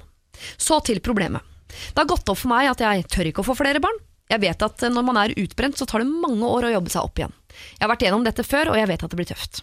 Jeg vet at Tobias vil være der for oss 100% men likevel tenker jeg ikke at det er nok. Jeg må også være der, og nå klarer jeg jo ikke engang å jobbe. Jeg klarer ikke å ha de to barna jeg allerede har halvparten av tiden engang. Og jeg har sagt det til Tobias, og de siste tre dagene har vi grått mye sammen. Han er overbevist om at jeg kommer til å ombestemme meg igjen, og er villig til å satse på at en dag kommer vi to til å få barn sammen. Jeg er kvalm, jeg er livredd. Jeg ser for meg ti år fram i tid, når det enda ikke har blitt barn, så kommer han til å sitte der bitter. Enten kommer han til å hate meg fordi jeg ikke ga han barn, eller så kommer han til å hate seg selv for at han ble i forholdet. Mest sannsynlig begge deler. Han ber meg om å ikke tvinge han til å velge mellom meg og barn, men jeg føler nå at jeg bør sette han fri. La han slippe å ta det valget. Jeg vet at jeg kommer til å, jeg, jeg kommer til å knekke enda mer under uh, forventningen om at jeg en vakker dag skal ombestemme meg, men jeg må være voksen, ta ansvar for de to barna jeg allerede har. Det siste jeg klarer å gjøre nå, eller om noen år, er å få enda et barn. Jeg vet jo hva det innebærer. For Tobias er meningen med livet å få barn. Han ser fram til hva det innebærer, og han gleder seg til fremtiden med barn og barnebarn. Er det helt på jordet å tenke at jeg bør gjøre det slutt? Jeg elsker han så mye at jeg heller vil at han skal finne noen han kan få barn med, enn at han skal kaste bort disse gylne 30-årene på å bli hos meg og prøve å overbevise meg. Jeg trenger virkelig råd. Hjelp! På forhånd takk med vennlig hilsen Lotta. Altså, dette er et av de vanskeligste valgene jeg har hørt om uh, at man må ta. Jeg vet ikke om jeg er komfortabel med å skulle ta det på andres eh, vegne, og Lotta, det skal vi jo egentlig ikke heller, men jeg tenker at eh, det kan være greit å høre litt hva Ingeborg tenker, litt hva Vita tenker, og litt hva jeg tenker, sånn at du selv på et eller annet tidspunkt, kanskje sammen med Tobias, kan ta et valg i fellesskap. Vi skal høre Nick Cave og Kylie Minogue, Where the Wild Roses Go, og så skal du få noen, kanskje noen vel eh, gjennomtenkte råd. Siri og de gode hjelperne. Jeg sa jo uh, at vi ikke skulle ta dette Vi kan ikke ta dette valget, Vita og Ingeborg, men vi kan hvert fall kanskje si noe om hva vi tenker Ja. om situasjonen, og så kan Lotta se om hun kan bruke det til å ta et valg. Ja, det er vanskelig å skulle gå inn i så uh, store, alvorlige problemstillinger, for det føler jeg ikke at jeg er kompetent til. Men kan jeg bare si at Lotta får en fin og reflektert person du virker å være, som har tatt noen utrolig vanskelige, men voksne valg. Ja. Det er liksom det inntrykket jeg sitter igjen med etter å ha hørt dette lange eh, problemet, fordi det Hun er bare 31. å bare komme til den erkjennelsen av at eh, barna må bo hos faren, for det er best for de akkurat nå. Herregud, det er et tøft valg å ta, altså. Så du har jo alle muligheter, eh, virker det som, for å ta gode valg på vegne av deg selv. Eh, og så må du huske på det oppi det her at uh, Tobias han er voksen, han klarer fint å ta eh, egne valg. Han vet hvor du står, du har vært veldig transparent.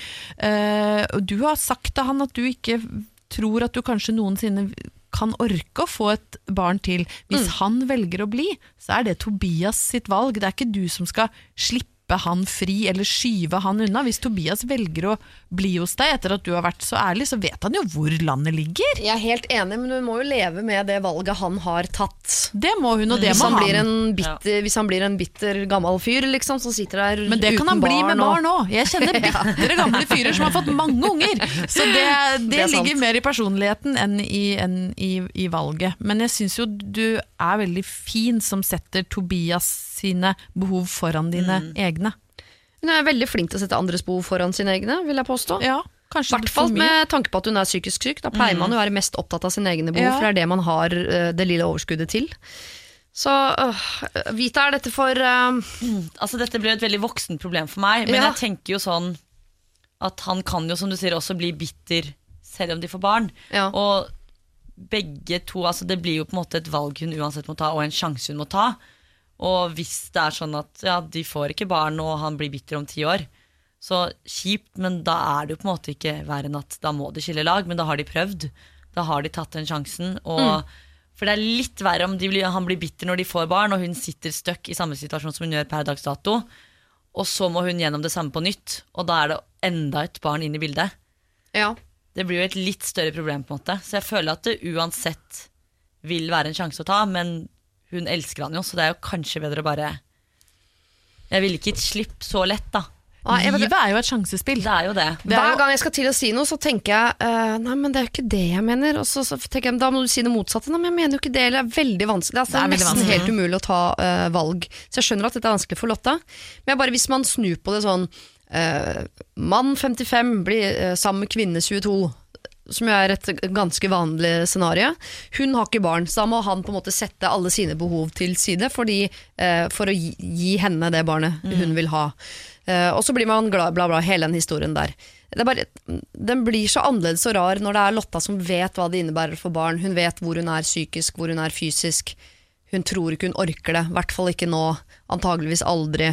Hun vet hva liv uh, uten barn vil si, for hun ser sine egne barn såpass sjeldent. Altså Hun vet jo alle aspekter her. Hun gjør det. Hun er jo den som er mest skikka til å ta denne avgjørelsen, egentlig. Egentlig. Eh, Men samtidig så forstår jeg hun elsker Tobias, og han ha- men, men det som er veldig viktig her, tror jeg, at Tobias, hvis han skal velge å være sammen med Lotta, uh, så må Lotta være en, kanskje enda mer tydelig på at Hør, hør nå, Tobias. Sjansen aldri. For at jeg Ja. skal ha barn, er null. Hvis du skal velge å være sammen med meg, så må det være på det premisset at vi ikke får barn sammen. Hvis det er så viktig for deg, så må vi dessverre gå hver vår vei. Ja. Han, må på, han må vite det, sånn at om hun skulle ombestemme seg om sju år, da, så ok, så, så skjedde det, men han må gå inn i det med, med alle korta på bordet og si at mest sannsynlig så blir det ikke noe barn, du, da er det bare deg og meg. Ja. Kan du leve med det? Ja. Så, så gjør vi det. Hvis du tror du ikke kan det, så ender dette her. Han ber meg om å ikke tvinge han til å velge mellom meg og barn. Han må det.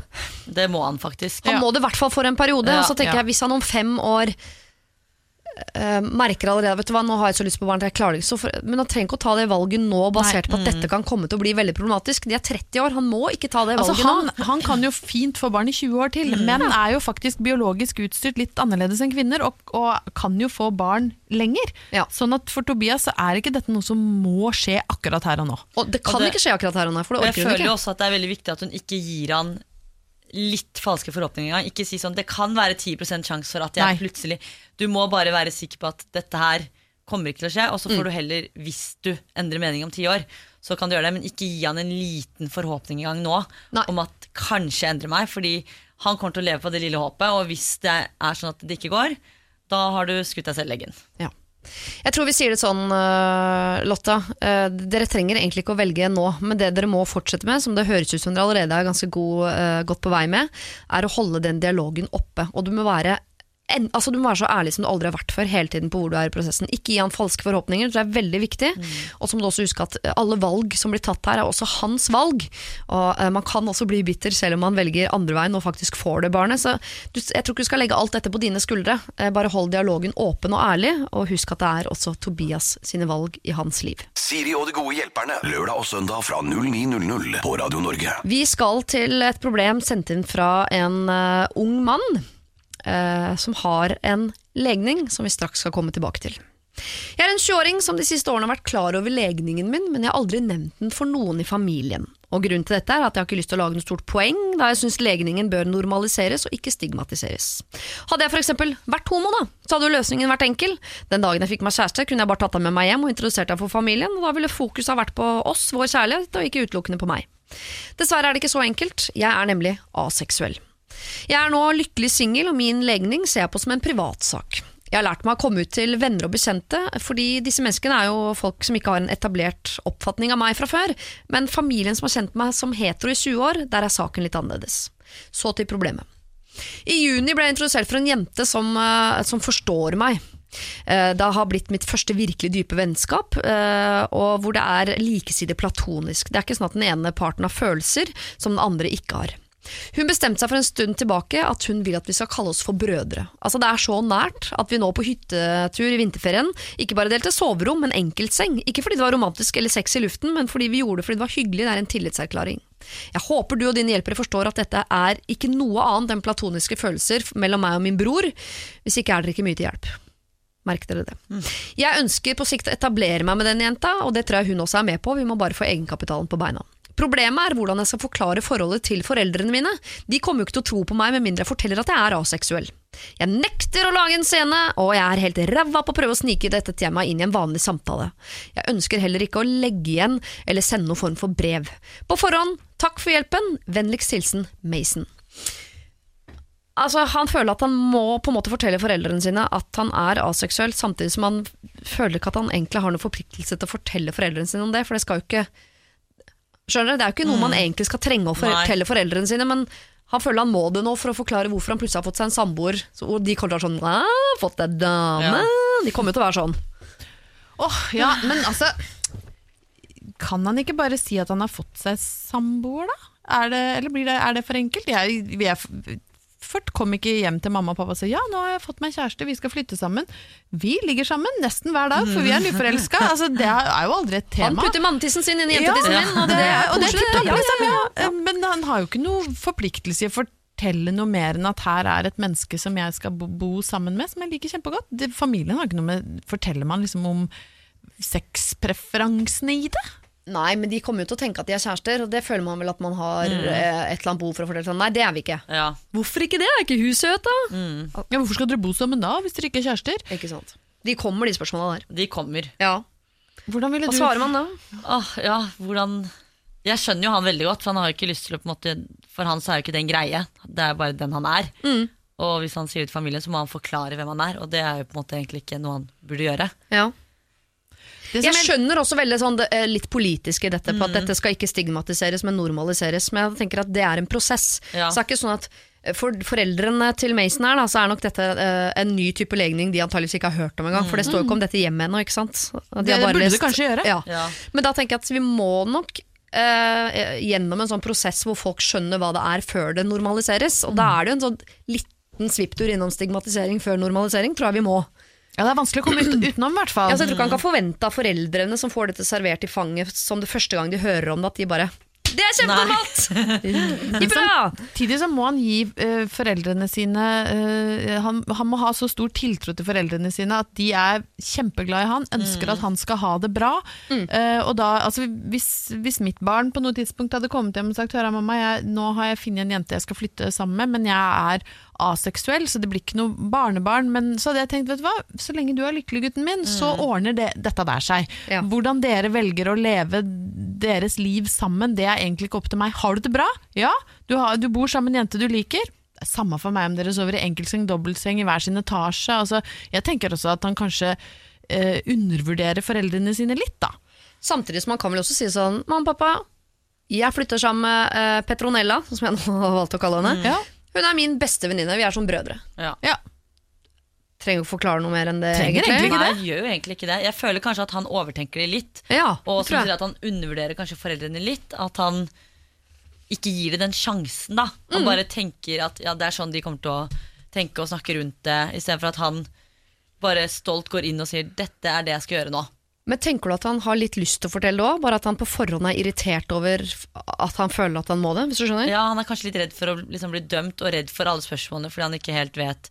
Fordi For han er det kanskje ikke et problem, da.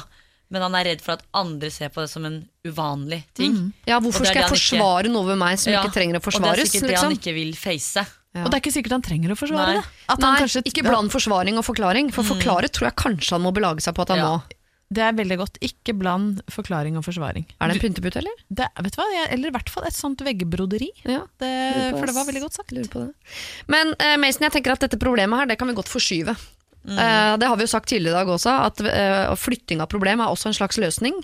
Fordi At du flytter sammen med henne nå, trenger ikke å bety at du må stå frem som aseksuell i familien. Mm. Sånn, jeg flytter sammen med min bestevenninne, hun er som en bro for meg. Da trenger ikke å stille noe mer spørsmål om det. Men en eller annen dag kan det hende at foreldrene lurer på sånn skal ikke du få deg kjæreste, eller hva tenker du om barnebarn? Kommer Mm. de noen gang? og sånn? Da kan det hende at du må forklare litt sånn Mamma, og pappa, jeg er aseksuell. Og så tipper jeg, da. Jeg tipper at de ikke kommer til å stille noe oppfølgingsspørsmål til Jeg tipper foreldrene hans syns det er såpass kleint i det hele tatt å høre han si ordet sex, at når de hører A-sex, så er det sånn ok, da åpner vi fyrstikkakka! ja, da. Ja, det, er, det er i hvert fall mitt triks da jeg var ung. Jeg tenker sånn, min mor syns sikkert det er såpass kleint at jeg sier noe om sex. At hvis jeg trengte penger, så sa jeg alltid sånn Jeg trenger penger til bind, tamponger, kondomer. Jeg ba om penger til sånne ting som er kleint å snakke om, for da visste jeg da, da fikk jeg penger uten at det var noe spørsmål. Femdrelapp, og så det er veldig lurt. Veldig lurt. Mason, vi forskyver dette problemet til den dagen du faktisk må si det, og da må du huske at det må nok ikke forsvares, men det må antageligvis forklares. Men per nå skal du bare flytte sammen din aller beste venninne. Hun er som en bror for deg. Siri og de gode hjelperne. Send oss en e-post på siri at radionorge.no. Vi skal til et problem innsendt av dritten i midten, men det er ikke eh, eh, søsken dette her, det er en venninnegjeng. Altså venninnetrio fungerer veldig sjeldent. Jeg har to veldig gode venninner, Uh, har flere altså, men uh, bestevenninnen min kaller henne Camilla, Uh, og en til som jeg også er god med, venn med, ikke bestevenn, men god venn, kaller henne Silje. Silje har veldig lyst til å være venn med Camilla, og føler egentlig at hun og Camilla er gode venner, men Camilla er i grunnen ikke så keen på å være sammen med Silje. Årsaken til dette er at Silje ikke helt har grenser for hva som er greit og ugreit å si, og kan tidvis være både sarkastisk, spydig, men, tror, eh, men jeg tror at dette er hennes beskyttelse når hun er i situasjoner hvor hun ikke kjenner folk så veldig godt. Og i bunn og grunn er hun nok litt usikker. Jeg skjønner at Camilla reagerer, men Silje er ikke sånn når jeg er sammen alene. Jeg har ved flere anledninger eh, vært i situasjoner hvor Silje har lyst til å være sammen med meg og Camilla, men som sagt, Camilla er ikke så keen på det. Og, li, øh, og selv om jeg liker å være sammen med begge to, så blir jeg ofte da havnende i midten, og jeg syns det er vanskelig å finne ut av hvordan jeg skal forholde meg til situasjonen. Har dere tips? Dette Altså, er klassisk jentedilemma, du. Er, eh, klassisk. Hvorfor er det sånn? Men det er Camilla her som er problemet, eller er det Silje? Det er i hvert fall ikke dritten i midten. Nei, Dritten i midten ikke. kan ikke noe for det her. Altså, Camilla og Silje de har, er hvert sitt eh, problem. Silje er så usikker på Camilla at hun blir en annen person når Camilla er til stede. Tøffer seg. Uh, aldri noe lurt. Jeg skal liksom være kul og blir sånn sarkastisk og frekk og spydig. Ja, Eh, Du kan og- godt sette meg i den bossen. Der bor jeg ganske fint. Der, det er du, ja. Ja, der er du meg. Og så har du da uh, stakkars Camilla som da liksom orker ikke å være sammen med dette mennesket, for hun klarer ikke å forholde seg til eh, dette spydet. Så det er litt sånn, Camilla er for kul for Silje, og Silje blir verre og verre, for hun Mm. Ja. vil så gjerne være sammen med Camilla, så hun tar mer og mer plass, og så har det bare blitt helt skjærings. Ja, Camilla tåler ikke trynet på Silje. Nei, og Silje må ta seg sammen når hun er sammen med Camilla. Hvis hun vil være Fordi det er liksom, hvis du blir så needy, så klarer du ikke å være deg sjøl. Hvis du Nei. har lyst til å være venninne med Camilla, så må du klare å slappe av å være deg Ja, du må være deg selv. Men du som er så flink til å si ting rett ut, da, Vita, kunne du sagt til venninnen din Silje at du, Camilla liker deg ikke noe særlig, så jeg tror du er, du er nødt til å roe deg ned lite grann. Jeg, jeg har jo hatt en sånn situasjon, oh, ja. um, og da har jeg sagt det rett ut. Hun, Venninnen min liker deg ikke. Er det fordi du ikke liker hun, eller hva er greia? Kan du ikke bare være deg selv? Jeg liker deg. Ja. Og så har det faktisk funket. For et Da har hun- lett liv da, Vita har. Da har hun bare slappet av. Det er ikke alltid like bra, men som ofte så funker det. Ja. uh, og da har på en måte hun venninnen da bare slappet av og vært seg selv, og så har det på en måte Men ble hun først veldig lei seg over det du fortalte, og så tok hun seg sammen? Det er forsvarsmekanisme med en gang, men jeg Ja. informerer også den andre om at jeg kommer til å si dette videre. Så Ja. at begge vet det. Du er så ærlig og åpen Ja. og uredd. Ja, men helt på ekte, Det beundrer jeg deg for. Vi har brukt hele mitt eh, voksne liv på å unngå sånne konf konflikter og prøve å feie konflikt under teppet. Jeg sitter jo her uke etter uke og ber folk leve sånne liv som Vita, men jeg Ja. gjør det jo verken sjøl eller syns jeg har vært vitne til at så veldig mange andre gjør det heller. Jeg sitter Nei. jo bare her og synser fra hofta. Ja, og hvis Så jeg- kommer Vita valsende inn i studio og lever det livet vi prøver å skape for andre Men det mennesker. Funker det er- faktisk veldig bra. Det er, Ja. Jeg skjønner at det kan være litt sånn vanskelig for noen, men det funker veldig bra. Men i den situasjonen her da, så burde man også informere den andre parten også om at dette kommer jeg til å si til hun nå, Mm. så er du klar over det. Og som regel da så blir de glad, for at det er kanskje noe de egentlig har lyst til å si selv, men så tør de ikke. Så tar dritten i midten av avgjørelsen og sier det, Men- og så møtes alle, og så ordner det seg. Oppfølgingsspørsmål da til uh, deg som jeg nå kommer til å kalle for Vita Fasit. Eh, kan hun også si til Camilla uh, jeg trenger at du også prøver å like Silje, for nå ber jeg henne om å ta seg sammen. Hun er egentlig veldig hyggelig. Det letteste for meg og dere ville jo vært om alle vi tre kunne vært venner. Så prøv å ta deg sammen litt grann neste gang Silje kommer. Ja, det har jeg sagt mange ganger. Ja. Og da prøver de faktisk, fordi at alle vil jo egentlig like hverandre. ja. Uh, og så er det alltid en som skal tøffe seg, men når de får på en måte vite sannheten om hverandre, så blir det sånn Å ja, men jeg vil også bli likt av hun. Så begge skjerper seg jo. Ja. Det har funket veldig fint hos meg. Det Altså. er, det er, det er et, uh, altså et uh, textbook advice. Det er et perfekt råd. De må snakke sammen, og så må faktisk dritten i midten nå ta tak. Fordi hun er den som kjenner begge to best. Herregud, få Vita inn i KK. Vet du hva, du er fast spaltist fra Det tror jeg i dag, og det er altså en, en å ha sånn kontroll og oversikt på livet og være så ung. Jeg er, eh, jeg er imponert. Jeg skulle til å foreslå meg sjøl, men den plassen gir jeg til Vita. Her er jeg møtt mitt eh, overmenneske. Vær så god. Jeg sier også tusen takk for at dere ville være mine to gode hjelpere i eh, helgen. Vi har, tror jeg har hjulpet masse mennesker. Vi har oppdaget at du, Vita, er et vandrende orakel og et eksempel for, for framtiden. Vi har lagd pynteputer som du kan Vi skal hjem og brodere. hjem og brodere. Altså, jeg føler at vi har eh, reddet verden lite grann denne helgen. Eh, Så tusen takk, Ingeborg og Vita. Dette er Siri og de gode hjelperne på Radio Norge.